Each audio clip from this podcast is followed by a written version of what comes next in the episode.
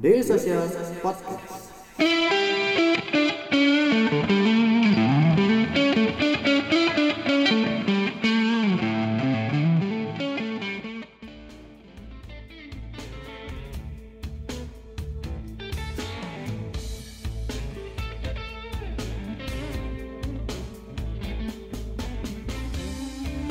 Dari Kemang Selatan satu dan nomor 2 dari Social HQ bertemu lagi di Daily Social Podcast. Apa kabar teman-teman? Eh, semoga teman-teman baik-baik aja. Kalau teman-teman udah ngedenger atau lihat saya pembukaan seperti itu, mungkin teman-teman udah siap ya ngedengerin atau mungkin sekarang nontonin nih, nontonin eh, podcastnya dari Social yakni ngobrolin startup. Nah, seperti yang udah udah dilihat dan mungkin buat teman-teman yang ngedengerin di Spotify dan lain-lain nanti akan mendengar kita udah kedatangan tamu atau kita udah kedatangan pembicara yakni Mas Hendra Quick. Beliau adalah co-founder dan CEO-nya dari Paypes. Apa kabar Mas Hendra? Ya, sangat baik. Baik, Terima baik. kasih Uh, iya. Terima kasih juga Mas Hendra udah mau uh, datang ke ngobrolin startup. Jadi seperti biasa teman-teman, Mas Hendra ini menjadi pengisi uh, di sesi Selasa Startupnya dari Social Podcast yang kebetulan hari ini juga masih didukung oleh HP Indonesia. Uh, jadi sebelum seperti biasa sebelum sebelum beliau ngobrol atau sebelum beliau mengisi sesi Selasa Startup, saya culik dulu nih buat diajak ngobrol dulu di ngobrolin startup uh, Daily Social Podcast gitu. Langsung aja mungkin ya Mas ya. Mungkin banyak juga yang belum tahu apa sih Mas Payface itu? Ya, sebenarnya PayFast secara simpel itu adalah platform yang menghubungkan akses keuangan Hmm. dengan penduduk-penduduk Indonesia khususnya yang masih tinggal di daerah pedesaan. Oke. Kenapa kami secara spesifik menyasar penduduk di pedesaan? Karena, Hmm, karena kami merasa di situ literasi dan pemahaman keuangan masih rendah Hmm, sehingga sebenarnya masih banyak masyarakat yang mungkin sudah tahu produk keuangan tapi mereka tuh belum mengerti apakah yang bisa di, di apa yang bisa diciptakan dari sebuah produk keuangan untuk hidup Oke. mereka Oke, oke. dari segi manfaat Hmm. kemudian eh, fungsi yang bisa diberikan atau nilai positif yang bisa mereka dapatkan dari produk keuangan itu Hmm. masih banyak pemahamannya relatif masih rendah Hmm. sehingga kami merasa platform kami bisa menjadi titik untuk edukasi dan ketika mereka mulai teredukasi kami harapkan kami bisa mendistribusikan produk-produk keuangan yang tentunya sebagai startup kami punya harapan produk-produk keuangan ini bisa memberikan nilai positif untuk masyarakat tersebut. Oke. Berarti Payface ini memang menyasarnya adalah orang-orang yang di daerah di luar Jakarta mungkin ya Mas ya? Iya, secara spesifik Spes- kami ya. memang menyasar untuk oke. daerah Jakarta. Nah, itu mungkin teman-teman eh, sekilas tentang Payfast. Mungkin kalau teman-teman pengen tahu lebih lanjut atau tertarik misalkan dengan Payfast bisa googling aja atau mungkin bisa udah ada aplikasinya Mas ya? Sudah ada Sudah ada aplikasinya bisa download aja langsung aplikasinya Payfast eh, P A Y F A Z Z gitu seperti itu.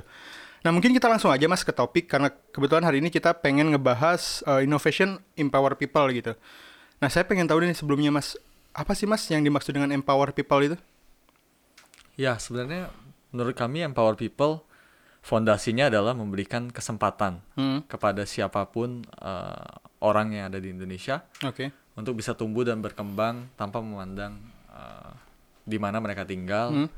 Bagaimana tingkat pendidikan mereka atau bagaimana level pendapatan mereka. Hmm. Jadi memberikan kesempatan untuk tumbuh yang sama kepada setiap orang. Oke berarti termasuk orang-orang di desa yang Hmm. biasanya memang akses dan privilege-nya untuk mendapatkan sebuah kesempatan itu cenderung lebih rendah dibandingkan orang di kota.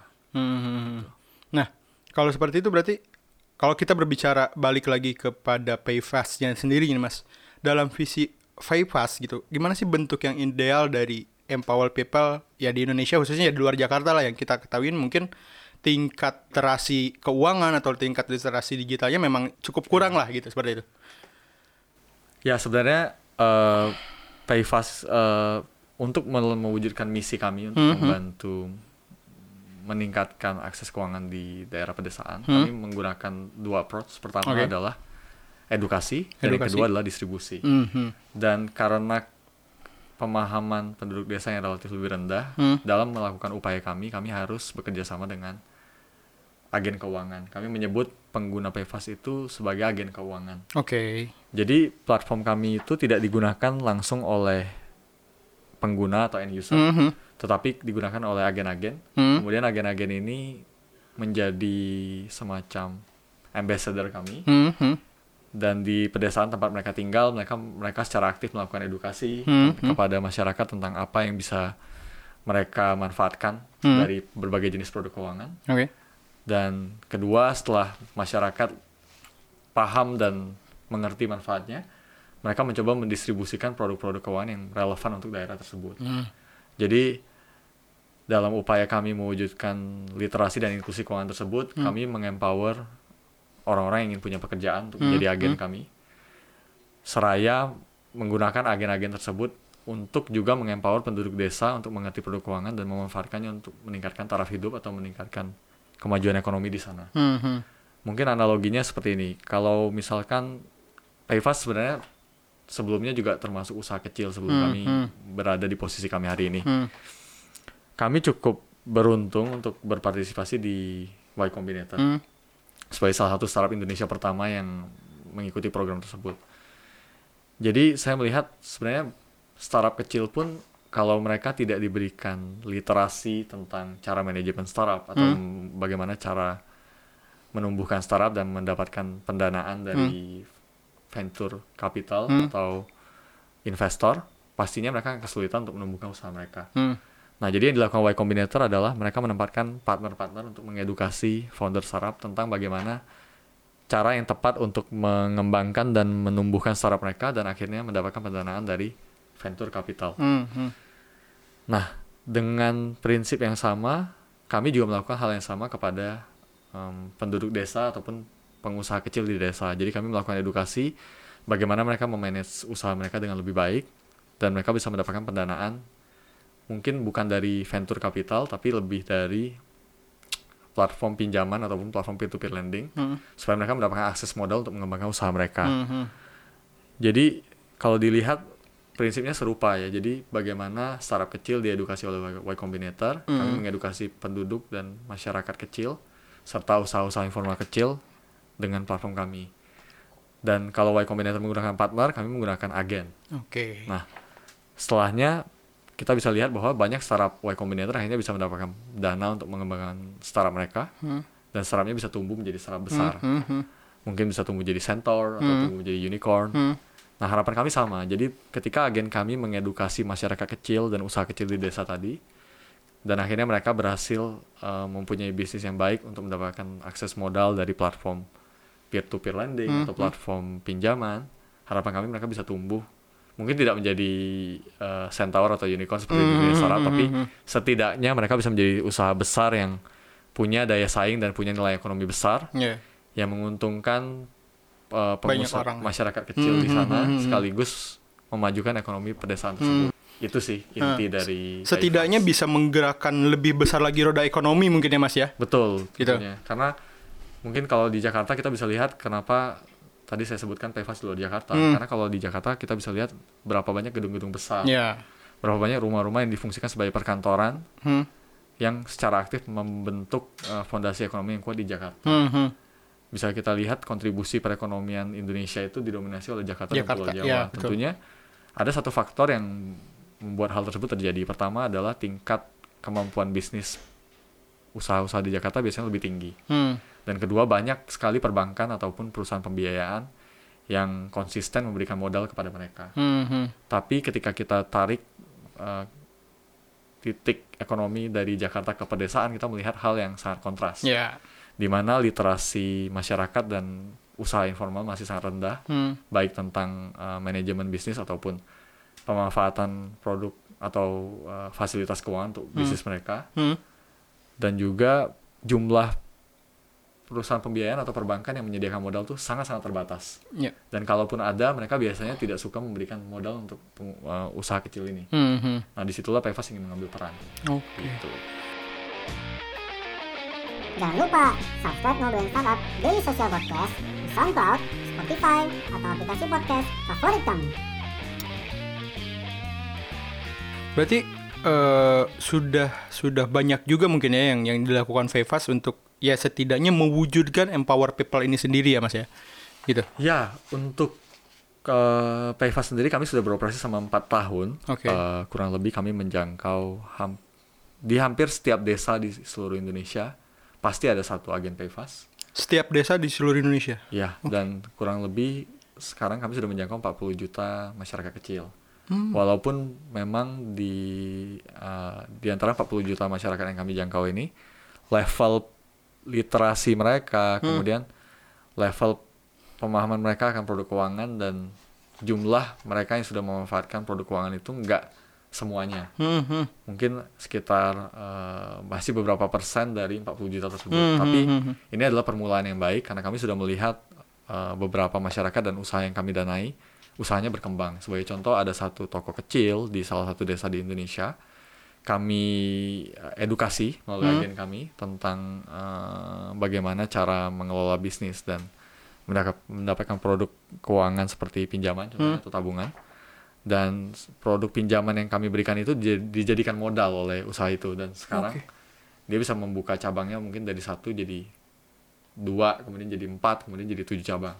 Oh. ada juga satu warteg kecil tadinya dia hanya bisa melayani makanan untuk membungkus dibawa pulang ke rumah Hmm, hmm. karena dia tidak punya kursi dan dia tidak punya genteng Hmm. jadi cuma ada gerobak kecil kalau uh, orang yang ma- datang mau makan mau duduk tidak ada kursi Iya.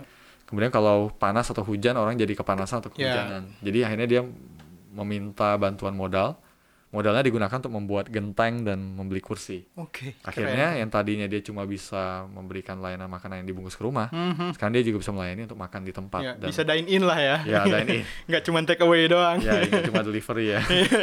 jadi akhirnya omsetnya meningkat, pendapatannya meningkat. Oke. Nah, jadi itu sa- satu dua contoh Mhm. dari im- impact dan nilai yang kami ciptakan di Mhm, pedesaan. Tentunya masih banyak lagi Mhm, pasti pasti. contoh lainnya dan s- fokus kami adalah bagaimana menambah jumlahnya Ya, dari mungkin ratusan atau ribuan menjadi jutaan. Mhm. Menarik nih Mas. Nah, tapi kan eh, ada ada ada juga yang terlintas oleh saya yang dipikirin adalah kalau kita berbicara tentang eh, masyarakat ya kita katakan di pedesaan, kita katakan eh, di eh, yang memang belum terlalu bisa teredukasi dengan baik tentang eh, literasi keuangan misalkan literasi digitalnya masih kurang gitu.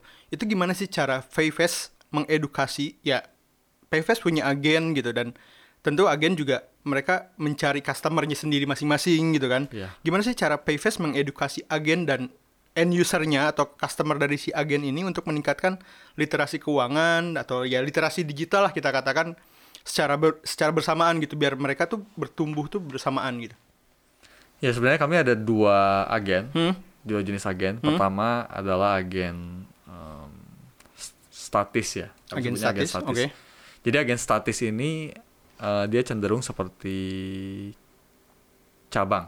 Oke. Jadi cara kerjanya sama seperti nasabah pergi ke perbankan. Hmm, Jadi kita datang ke perbankan, kemudian akan ada orang duduk di sana, kita Hmm. akan berdiskusi apa yang kita perlukan. Misalnya kita bilang kita ingin menabung atau kita ingin meminjam uang. Hmm.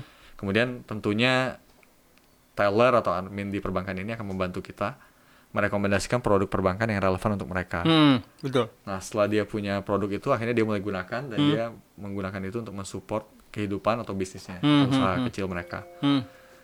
Kemudian di sisi lain ada juga agen jenis kedua yaitu agen mobile. Hmm. Jadi agen mobile ini kami tempatkan di bawah platform yang bernama Canvas. Hmm. Kalau tadi agen statis di bawah Payfast, Oke. agen uh, mobile ini di bawah Canvas. Jadi cara kerjanya lebih Dinamis lebih lah ya. mirip.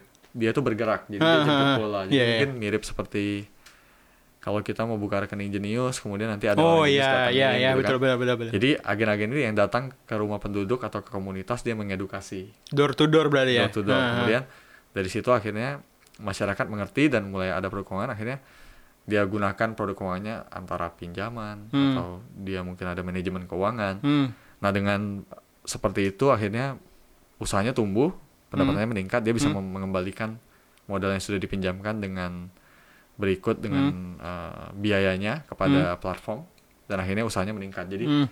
itu dua cara kami mengedukasi masyarakat dan mendistribusikan produk keuangan seperti Hmm. pinjaman contohnya. Hmm, hmm, hmm. Nah, di samping itu tentunya eh, di samping memberikan impact positif kepada usaha yang meminjam, Hmm. kami juga memberikan peluang pekerjaan kepada agen statis maupun agen dinamis karena Mhm. setiap perusahaan memperoleh keuntungan dari peningkatan usaha tersebut, Hmm. kami juga membagi keuntungan kami kepada agen-agen tersebut. Oke. Jadi kami mengempower agen untuk mendapatkan penghasilan dengan mengedukasi masyarakat. Iya, betul. Itu pertama. Kemudian kedua, masyarakat yang teredukasi pun juga terempower karena dia Iya, mendapatkan betul. modal tambahan Hmm, atau dia hmm, mendapatkan hmm, cara pengelolaan keuangan yang lebih baik Hmm. sehingga imbasnya ke usahanya mereka pun lebih baik. Hmm, hmm, hmm. Nah, berarti kalau seperti itu ada bentuk edukasi dulu ya untuk si agen ini gitu. Iya, Agar, edu- agar bagaimana agen mereka bisa diedukasi. mengedukasi gitu. Ya. Itu apakah misalkan ada eh, sebelum sebelum bergabung di edukasi dulu atau memang ada edukasi yang berkelanjutan selama menjadi agen gitu? Kalau untuk agen ada edukasi berkelanjutan, Oh, kemudian- tapi kami cenderung edukasinya secara digital. Oh, Kecuali kalau ya, ya. agennya memang meminta kami untuk melakukan edukasi Hmm, langsung di tempat, kami mungkin bisa mengirimkan beberapa edukator lapangan. Kami ada beberapa orang edukator lapangan, tapi nggak banyak. Hmm. Sehingga memang mayoritas tetap bergantung pada edukasi digital. Oke. Tapi jika eh, ternyata memang agen kami membutuhkan edukasi langsung di Hmm. tempat, kami juga bisa mengirimkan orang untuk eh, datang dan mengajarkan mereka secara langsung, secara Oke. tatap muka ya. Oke. Nah itu kalau kita berbicara tentang eh, tadi agen terus Hmm. masyarakatnya itu sendiri gitu mas. Nah sekarang kalau misalkan eh, kita berbicara di Payfast-nya sendiri deh di apa, dalam, bentuk perusahaan lah ya mas ya. Langkah apa yang dilakukan Payfast untuk meningkatkan eh, potensi talent di industri digital gitu? Karena kan berbicara Payfast kan di industri digital lah ya mas. Ya. Kayak yang lain ada akademi, ada eh, Hmm. hackathon. Apa yang langkah apa yang dilakukan oleh Payfast? Mungkin ada. Sebenarnya yang sering kami lakukan karena memang produk kami adalah intersection antara finance dan teknologi ya. Jadi kan namanya techfin atau fintech. Mhm. Jadi itu adalah intersection antara teknologi dan finansial. betul. Jadi kami perlu memberikan pemahaman yang dal- mendalam tentang teknologi maupun uh, industri Industri. finansial. Ya. Dan sering kali karena memang perusahaan kami didominasi oleh anak muda, mungkin masih fresh graduate atau Mhm. mungkin dia memang sudah punya pengalaman teknologi di startup lain atau usaha rintisan lainnya, Hmm. tapi dia belum mengerti tentang finance. Hmm. Atau dia memang sudah pernah mengerti finance tapi nggak mengerti Di teknologi. teknologi betul. Atau dia fresh graduate dan nggak ngerti keduanya. Hmm. Jadi yang kami lakukan, kami banyak kelas-kelas internal tentang pengembangan uh, ilmu atau fondasi pengetahuan untuk teknologi ataupun teknologi finansial secara spesifik. Hmm. Jadi banyak sekali expert yang kami on board dari yang punya expertise di industri teknologi, Hmm. yang punya expertise di industri perbankan. Hmm. Selain itu kami juga banyak menjalin kerjasama dengan rekan-rekan yang mungkin punya pengalaman lebih banyak Hmm. di teknologi atau per- perbankan untuk membantu kami mengupgrade skill-skill dari talent Yeah. di dalam Payfast. Hmm, hmm, Dan hmm. so far kami melakukan itu selama kurang lebih 1-2 tahun terakhir dan terbukti cukup efektif untuk membekali pengetahuan dasar. Nah, memang seiring waktu kami juga mencoba mengembangkan eh, fondasi pengetahuan yang lebih advance Hmm. dari yang sebelumnya. Harapan kami memang kami terus bisa mengupgrade ilmu fintech dari eh, talent-talent yang ada di perusahaan kami. Hmm. Kami sih ingin mungkin kalau memang ingin mengerti tentang teknologi secara umum atau teknologi travel, Hmm. teknologi e-commerce bisa ke perusahaan lain. Tapi kalau Mhm. memang teknologi finansial, harapan kami Payfast jadi yang terdepan. Oke. Dan itu konsisten kami terapkan di dalam perusahaan. Di dalam perusahaan. Oke, berarti sudah ada ya Mas ya langkah yang dilakukan oleh Payfast Iya. untuk untuk meningkatkan potensi talent itu Dan sendiri. sebenarnya gitu. banyak memang talent orang-orang talent dari luar pun pengen Gabung. juga ingin belajar Oh, dari oke, apa yang iya. kami terapkan di dalam. Tapi memang sekarang masih hanya dibuka untuk internal. Hmm. Mungkin nanti kalau kami punya resource lebih ataupun punya kesempatan, kami bisa Hmm. juga membuka sesuatu yang bisa dibuka ke Kayak umum lah ya ya kalangan Hmm, profesional hmm, hmm, ataupun kalangan startup di luar. di luar perusahaan. Di luar Hmm, perusahaan. Oke. Oke, gitu aja ternyata udah banyak juga Mas yang kita obrolin. Tidak terasa tapi eh, setidaknya saya sudah banyak juga mendapatkan insight-insight tentang empower people itu sendiri, Ya. terus tentang apa yang selama ini Faifa- Faifas jalankan gitu tentang untuk mengempower saudara-saudara kita di, di luar daerah Jakarta terutama gitu di pedesaan agar roda ekonomi mereka terus bergerak gitu. Oke, segitu aja mungkin terima kasih Mas Hendra Quick dari eh, Payfast. Ya. Thank you banget udah mau diajak ngobrol di ngobrolin startup. Semoga next eh, kes- kesempatan masih ada ya Mas ya. Ya, terima kasih Daily lagi. atas invitasinya. Sama-sama. Oke gitu aja mungkin teman-teman pendengar Daily Social Podcast eh, untuk eh, edisi ngobrolin startupnya episode hari ini ngobrolin startup eh, hari ini juga seperti yang sudah saya katakan tadi ada Mas Hendra Quick ini datang untuk mengisi sesi Selasa Startup yang didukung oleh HP Indonesia. Nah sebelum itu saya culik dulu ke sini untuk ngobrolin startup. Dan tadi teman-teman udah banyak eh, yang dipaparkan yang dijelaskan oleh Mas Hendra Quick tentang innovation empower people ya dan juga apa yang sudah dilakukan ol- oleh eh, PFAS untuk mewujudkan empower people itu sendiri. Mungkin segitu aja untuk episode hari ini. Sampai jumpa di episode berikutnya.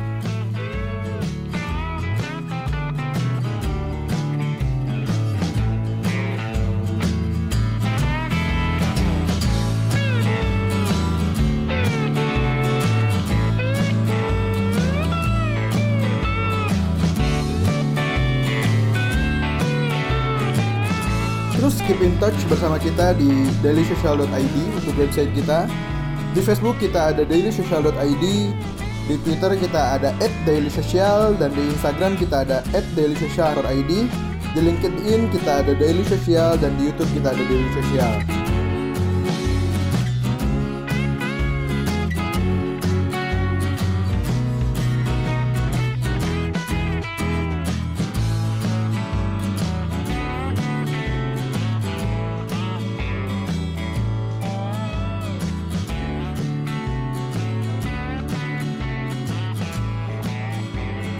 Daily Social Podcast.